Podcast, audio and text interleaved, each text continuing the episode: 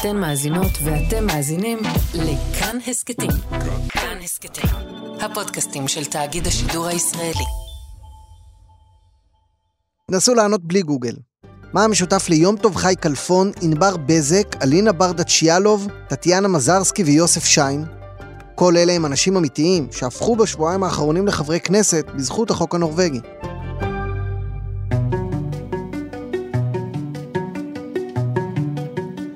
שלום לכם, אנחנו עוד יום, אני עקיבא נוביק, והיום נדבר על גודל הכנסת. למה יש בה רק 120 חברים? האם צריך יותר? ונשאל גם למה כשח"כ יושב באופוזיציה הוא מוכן למסור את נפשו כדי שהכנסת לא תגדל?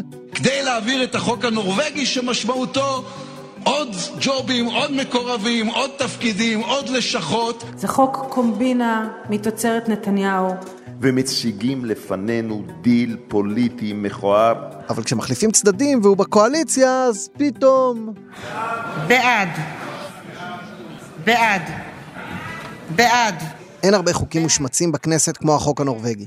קראו לו קומבינה מושחתת, חזירות, חוק ג'ובים, שיא חדש של ניתוק, חוק מכוער, בושה וחרפה.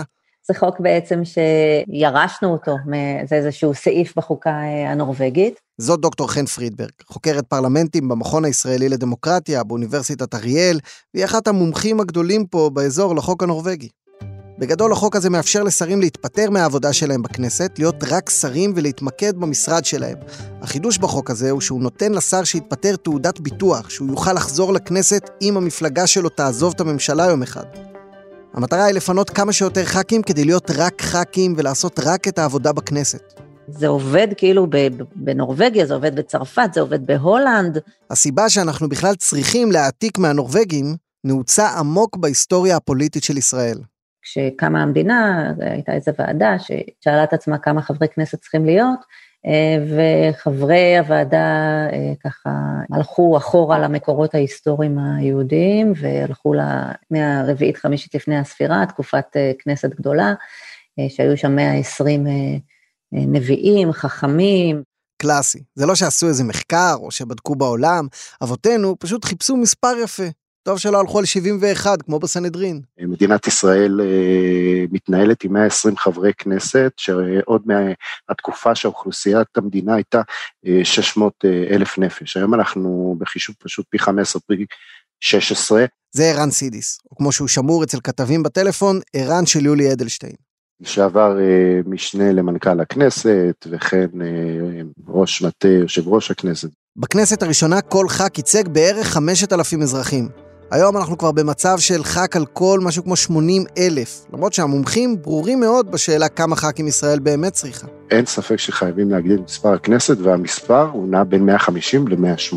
יש נוסחה שיצרו אותה שני חוקרים, שוגרד וטגה והם אה, אה, ראו שפרלמנטים יותר אה, יעילים, או פרלמנט, גודל מתאים למדינה, זה צריך להיות גודל של, של פרלמנט שהוא שורש שלישי של האוכלוסייה.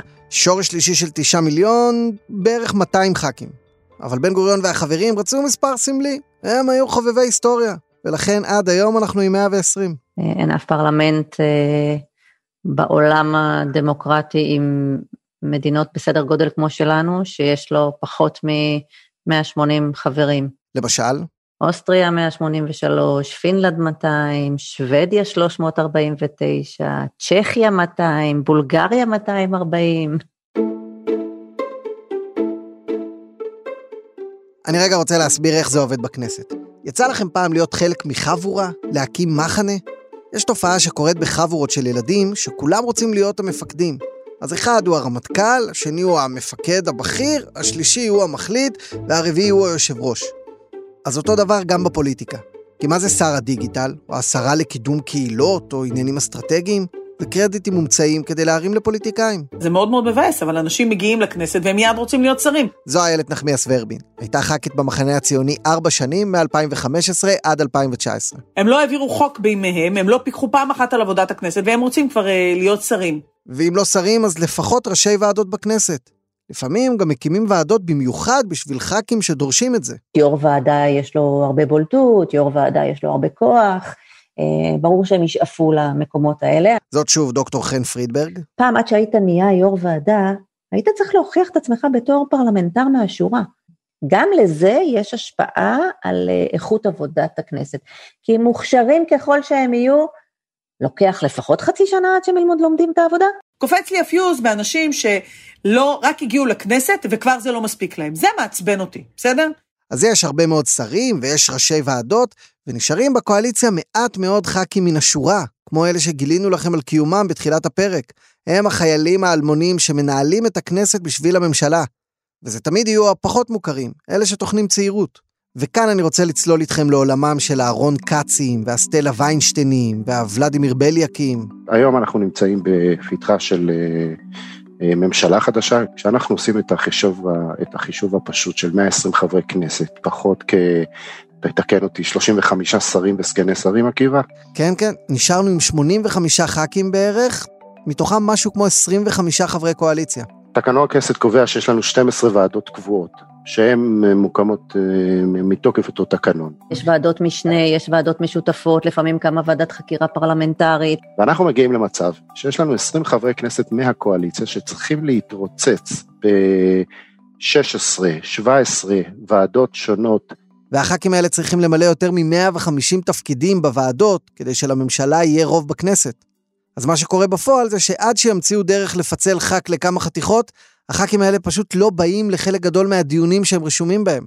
לא פעם יש דיונים חשובים בוועדות שנקטעים בגלל שחסרות אצבעות. אתה רואה נוכחות דלילה בוועדות. אני בזמנו בדקתי את זה בעבודת הדוקטורט, ומצאתי שממוצע הנוכחות בדיוני ועדות זה שלושה חברים. מתוך בערך 15 שרשומים בה, אבל שלושה זה לפעמים הרבה יחסית.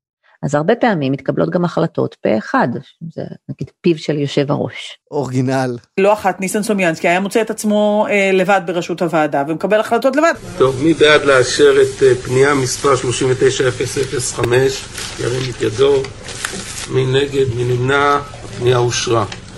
זה ניסן סלומיאנסקי, שהיה יו"ר ועדת חוקה, וזה מוישה גפני, שהיה שנים יו"ר ועדת הכספים. אני מתכבד לפתוח את ישיבת אה, ועדת הכספים על סדר היום 20.023, אה, משרד החינוך. מי בעד? מי נגד הרוויזיה? אנחנו שומעים כאן את גפני מצביע על שורת החלטות, כשהוא הח"כ היחיד באולם. הוא מצביע, סופר את הקולות ומעביר את החוק, וזה חוקי לגמרי. במקרה היותר טוב, מנהלות הסיעה יצליחו לתמרן את הלו"ז של כמה ח"כים כדי שיבואו להצביע איתו. אז אתה תראה פתאום איזה ככה בחמש דקות האחרונות אנשים ככה רצים אה, לתוך הוועדות. והתוצאה של זה היא שאת הכנסת מנהלים בפועל מעט מאוד אנשים. חמישה, שישה אנשים אולי שמחליטים מראש מה עמדת הקואליציה, ופשוט נותנים לח"כים הוראות. כי כשאתה רץ בין ועדות ומגיע לפעמים רק להצביע, אז התוצאה היא שאתה קצת רובוט. הוא פשוט מקבל דף אה, אה, על מה הוא צריך להצביע ואיך הוא צריך להצביע, והוא מצביע, ולא תמיד הוא נכח בדיונים.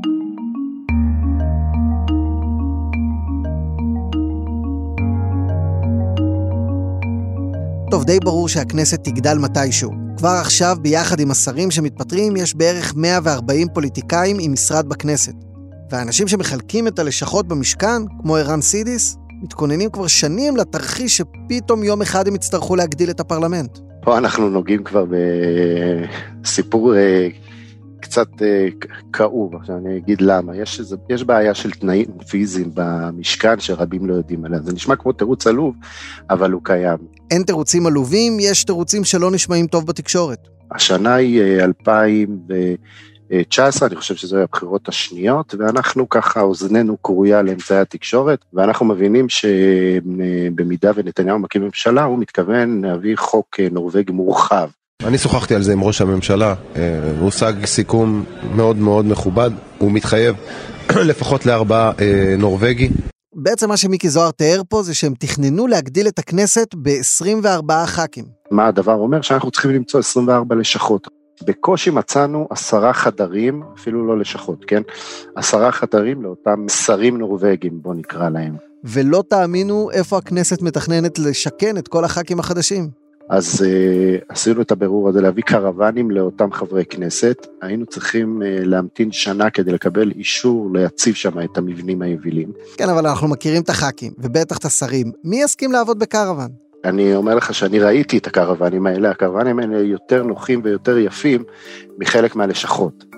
אבל עדיין הנראות של לשבת בקרוון היא בעייתית, אבל אין שום ברירה אחרת. אלא אם כן, אני בזמנו הצעתי הצעה, זה נקרא שיטת הלשכה החמה. אין, הכל מחרמן.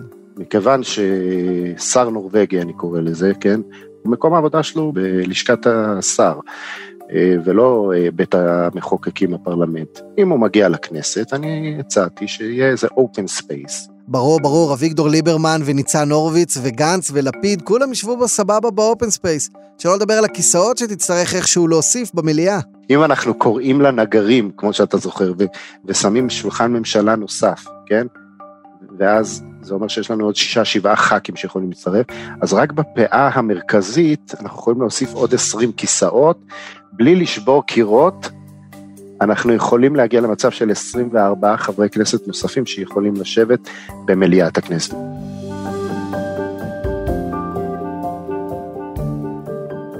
אם הגעתם עד כאן, קודם כל אני גאה בכם. אתם מאזיני עוד יום אמיתיים.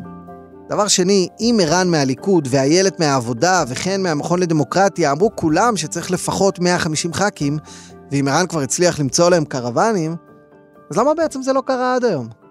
הדיון הזה מיד יוצר תבהלה פופוליסטית של מילים כמו שחיתות, ובאופן אינסטקטיבי כל פעם שהוצאה כזאת עולה, אז כל היפי נפש ישר אומרים, מה פתאום, והם רוצים שררה. זה נתפס רע, זה נתפס כ- כ- כמושחת, זה נתפס כחברי כנסת שגם ככה לא עושים כלום, התקשורת לא תורמת לזה. בהכל אשמה התקשורת. היא מראה מליאה ריקה, למרות שכל חברי הכנסת, או רוב חברי הכנסת בפועל נמצאים במשכן, אבל מה אם ישבו עכשיו ארבע שעות בדיוני מליאה משמימים, כשאולי הם יכולים לעשות עבודה אחרת טובה יותר בלשכות שלהם. טוב, האמת יש בזה משהו, כי יותר קל לסקר את הכנסת דרך מספרים, ודרך השאלה הנצחית, אבל הלא תמיד מדויקת, כמה זה עולה לנו. אפשר לבדוק כמה עולה שר, כמה עולה לשכה, כמה עולים העוזרים שלו, אבל קשה מאוד למדוד כמה אזרחי ישראל מפסידים מהיעדר פיקוח, מהעובדה שהוועדות לא מתפקדות כמו שצריך. קשה לכמת את זה, אני לא יודעת לכמת את זה. עלות לשכה של חבר כנסת היום עולה מיליון שקל. אם אנחנו נוסיף 30, 40, 50 חברי כנסת, זה יסתכם בשנה ב-50 מיליון שקל, שזה כסף קטן לעומת העבודה הטובה שחברי הכנסת יעשו. אני חושבת שאנחנו בסופו של דבר משלמים מחיר יותר גבוה מאשר עוד חברי כנסת ושרים. הלחץ שחברי הכנסת נמצאים בריצה בין הוועדות מייצר דיונים לא רציניים, הצבעות לא רציניות, אז 50 מיליון שקלים תמורת 40-50 חברי כנסת נוספים שיעבדו בשביל הציבור, אני חושב שהתועלת תגדל על העלות. אז בפעם הבאה שאתם רואים בכנסת את החברים מספסלי האופוזיציה, למשל דודי אמסלם, שקוראים את החוק הנורבגי, וואלה, כל רבע שעה בא בן אדם חדש שאומר, אני חבר כנסת, אתה הנורבגי שלי. תזכרו שככה מדברים באופוזיציה. שגם יאיר לפיד תקף פעם את החוק מאותם ספסלים, ונהיה תומך נלהב שלו ברגע שהמחנות בכנסת התחלפו. עוד מקרה קלאסי של דברים שרואים משם, לא רואים מכאן.